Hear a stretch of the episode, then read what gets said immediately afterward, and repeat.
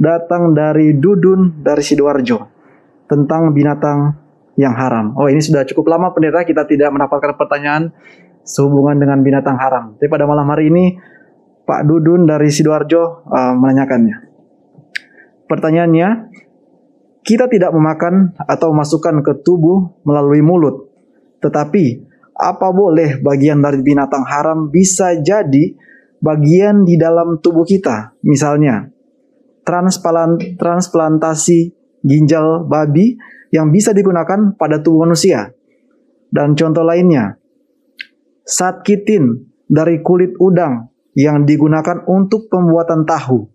Contoh lain juga, cacing untuk obat-obatan. Demikian berita pertanyaannya.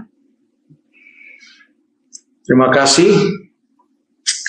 Kita hanya mau melihat apa yang dikatakan oleh uh, Alkitab kalau tentang zat-zat lain yang berasal dari unsur-unsur hewani yang digunakan untuk tujuan-tujuan lain selain untuk makanan. Saya tidak bisa membahasnya di sini, tetapi apa yang diatur oleh Alkitab, khususnya di dalam imamat pasal yang ke-11 dan kemudian ulangan pasal yang ke-14, semuanya itu adalah berkaitan dengan apa yang atau binatang apa yang boleh dimakan dan binatang apa yang tidak boleh dimakan. Jadi dimakan ya dimasukkan melalui mulut, tidak dibahas di sana mengenai transplantasi dan lain sebagainya. Tidak dibahas di sana. Sebenarnya ada juga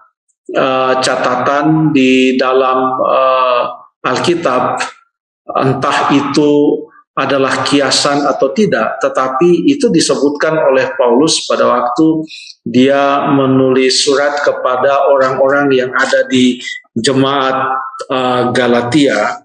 Saya coba buka kitab saya, kasih saya beberapa detik. Oke, okay.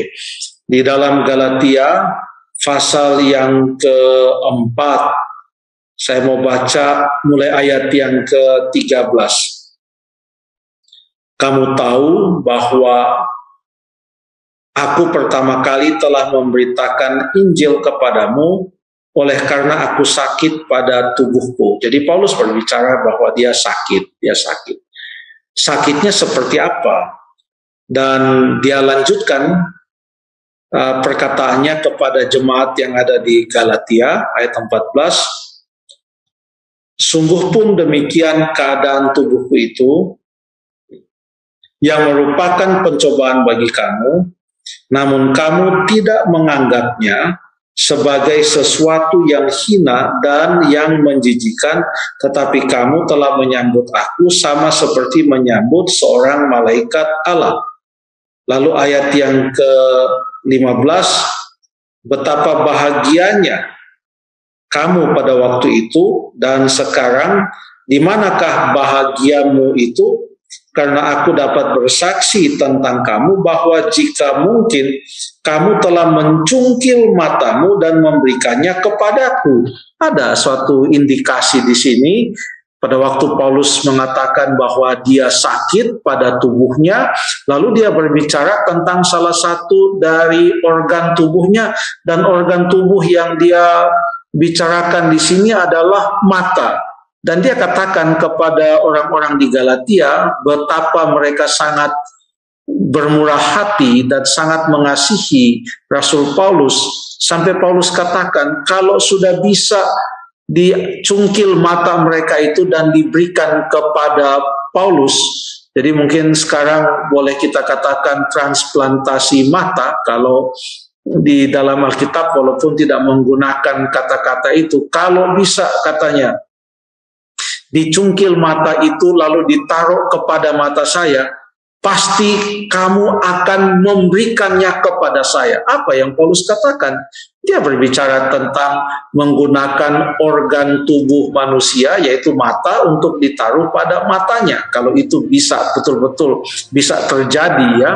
Sementara manusia Uh, tidak boleh makan manusia, tidak pernah diajarkan oleh Tuhan bahwa manusia makan sesama manusia, makan daging manusia. Jadi kalau transplantasi itu organ tubuh manusia kepada manusia lainnya seperti yang digambarkan oleh Paulus dalam Galatia pasal yang keempat. Kalaupun itu terjadi pada zaman Paulus, apakah dikatakan bahwa Paulus kanibal? Karena dia menggunakan organ tubuh dari uh, anggota jemaat di Galatia entah itu mata atau apa pun untuk menggantikan organ tubuhnya yang sakit. Ya apakah Paulus boleh kita katakan sebagai seorang kanibal? Tentu tidak. Kenapa? Karena di dalam Imamat pasal 11 dan ulangan pasal yang ke-14 yang diajarkan di sana adalah tentang apa yang boleh dimakan dan apa yang tidak boleh dimakan. Tidak dibahas di sana mengenai hal-hal yang di luar makanan. Jadi mungkin hanya itu yang boleh saya sampaikan. Terima kasih.